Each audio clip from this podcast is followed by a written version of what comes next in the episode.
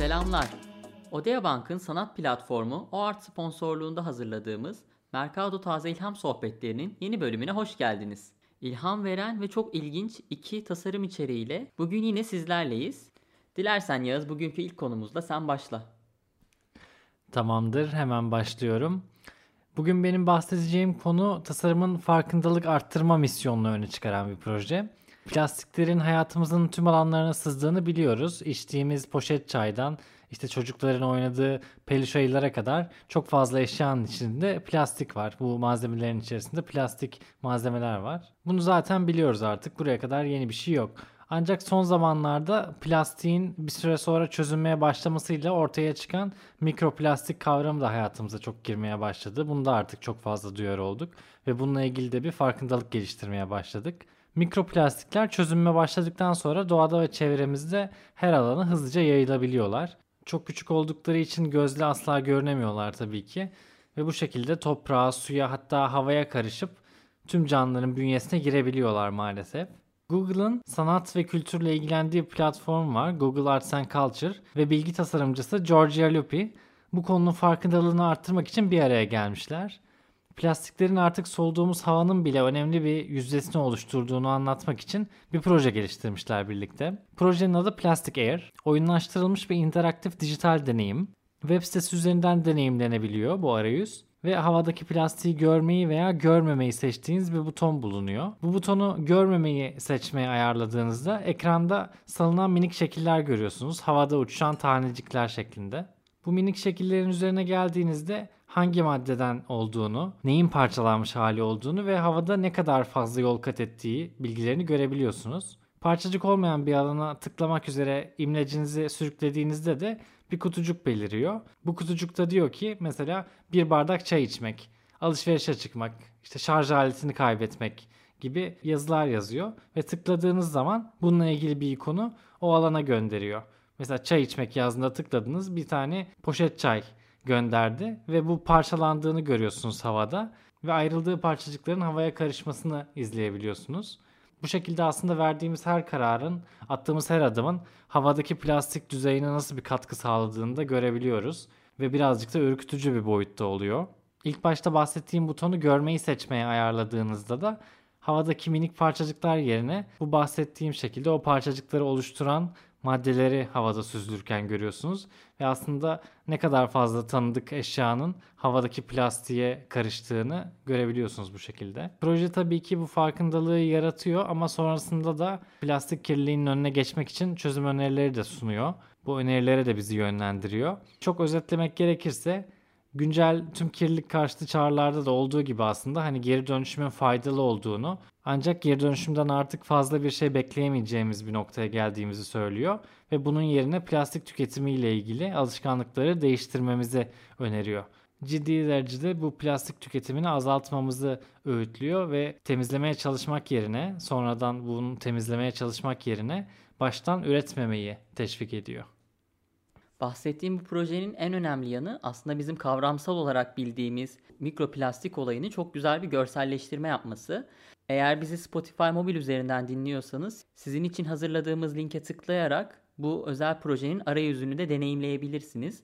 Zaten en önemli noktası projenin bu. Aslında bildiğimiz, farkında olduğumuz bir şey ama bunu görsel olarak da gördüğümüzde günlük hayatta kullandığımız, plastik olduğunu bilmemize rağmen kullandığımız birçok materyalin, ürünün bu kadar çok havayı kirlettiğini ve bu hava yoluyla tekrar canlıların bünyesine girdiğini çok net gösteren bir görselleştirme. Bu nedenle de bu arayüzü deneyimlemenizi öneriyorum. Evet kesinlikle zaten bu arada projenin çıkış noktası da senin dediğin gibi aslında zaten bildiğimiz bu kirliliği görselleştirmek. Yani gözden ırak, gönülden ırak durumunu ortadan kaldırmak.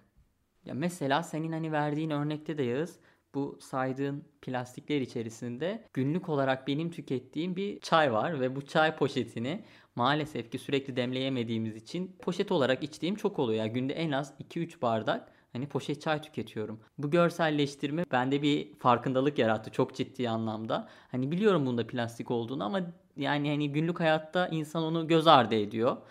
Ama o kadar fazla mikroplastik yayıyor ki havaya. Bundan sonra hani demlemeyi tercih etmek istiyorum. Özellikle bardak içersen bile hani bardak demlemeleri tercih edeceğim. Ya bu tip minik farkındalıklar bile artık günümüzdeki bu iklim krizinde çok önemli adımlar ve herkesin geçmesi gereken adımlar. Dediğin gibi artık geri dönüşüm bir çözüm yolu değil. Hani ileri dönüşüm hatta bunun ötesinde de artık plastik kullanımının sıfırlanması gerekiyor bir şekilde. Ve bu noktada da alternatif materyaller çok önemli. Evet kesinlikle bu alternatif materyal dünyası da zaten kendi başına ucu bucağı olmayan bir alan. Bunun üzerine de konuları seçmeye ve incelemeye çalışıyoruz. Bu podcast serisinde de var. Kaktüsten elde edilen vegan deri alternatifi ile ilgili bir bölümümüz var ama web sitemiz studiomercado.com'da da bununla ilgili çok güzel konular var. İlginizi çekiyorsa oraya da göz atabilirsiniz diyorum. Ve Tuna'nın konusuna geçmek için sözü bırakıyorum. Mikroplastiklerden biraz da eğlenceli bir konuya geçelim Yağız. Özel bir oyun alanı tasarımından bahsedeceğim. Singapur Jebel Changi Havaalanı içerisinde yer alan bir oyun alanı projesini bugün anlatmak istiyorum. Discovery Slides isminde. Eminim bizi dinleyenler Singapur'daki Jebel Changi Havaalanı'nı biliyordur. Hani o meşhur 40 metre yüksekliğiyle dünyanın en yüksek kapalı şelalesine ev sahipliği yapan bence dünyanın en çekici havaalanlarından birisi. Çok özel bir tasarım. Zaten gelmiş geçmiş en iyi mimarlardan kabul edilen ve benim de okurken en çok ilham aldığım isimlerden Moshe Safdie imzası taşıyor. Bugün anlatacağım Discovery Slides bu havaalanı içerisinde 1400'den fazla bitki türüne ev sahipliği yapan Canopy Park'ın içerisinde yer alıyor. Sarı rengi ve parlak dış kabuğuyla parkın içerisinde adeta bir uzay gemisini andırıyor. Çok özel bir tasarım. Oysa bu yapı kompleks bir oyun alanı tasarımı. 2015 yılında Carve ve Playpoint tarafından 2 sene gibi kısa bir sürede tasarlanıp inşaatı tamamlanmış. Carve ismi belki size tanıdık gelmiş olabilir. Zorlu Center'ın açık hava çocuk parkını da yine aynı stüdyo tasarlamıştı. Çocuk alanı tasarımında dünyada parmakla gösterilen bir ekip. Heykelsi yapısıyla dikkatleri üzerine çeken Discovery Slides farklı manzaralara ve yüksekliğe sahip 4 kaydıraktan oluşuyor temelde. Ya söylerken hani çok basit geliyor 4 kaydırak diye ancak çok kompleks bir strüktüre sahip. Aynı zamanda kullanılan malzemeler ve renk seçimleri de bu yapıyı da çok özel bir hale getirmiş. Kıvrımlı bir kabuk yapısına sahip ve ilhamını Chicago'daki meşhur Cloud Gate heykelinden alan bir ayna kaplamasına sahip. Cloud Gate'i biliyorsunuzdur o meşhur yansımalı heykeli. Parlak kabuk ziyaretçilere sonsuz ve gerçeküstü yansımalar yaratıyor. Aynı zamanda zeminde kullanılan kauçuk sarmal desen ile de bu soyut yansımalar ikiye katlanıyor ve eğlence deneyimini çok özel bir boyuta taşıyor. Zaten havaalanı kendi başına çok özel bir tasarım. Bir de içerisinde yer alan bu Discovery Slide ekstra keyifli bir seyahat deneyimi yaratmış. Sanatsal bir heykel ile oyun alanını birleştiren tasarım ya bence bugüne kadar gördüğüm en cool yapılardan biri. Ya keşke bu seyahat sınırlamaları, kısıtlamaları kalksa da gidip deneyimleyebilsek. Çocuklar için oyun alanı tasarlamak son dönemlerde bence e, mimari stüdyoların çok fazla eğildiği bir alan oldu. Kendini gösterebildiği bir alan oldu. Çünkü Artık şöyle bir durum var. Projelerin çoğu özellikle şehir içinde çok fazla kısıtlamaya tabi olan projelerin çoğunda mimari anlamda yapabileceğiniz keşifler, gösterebileceğiniz kendinizi böyle çok özel alanlar kısıtlı oluyor.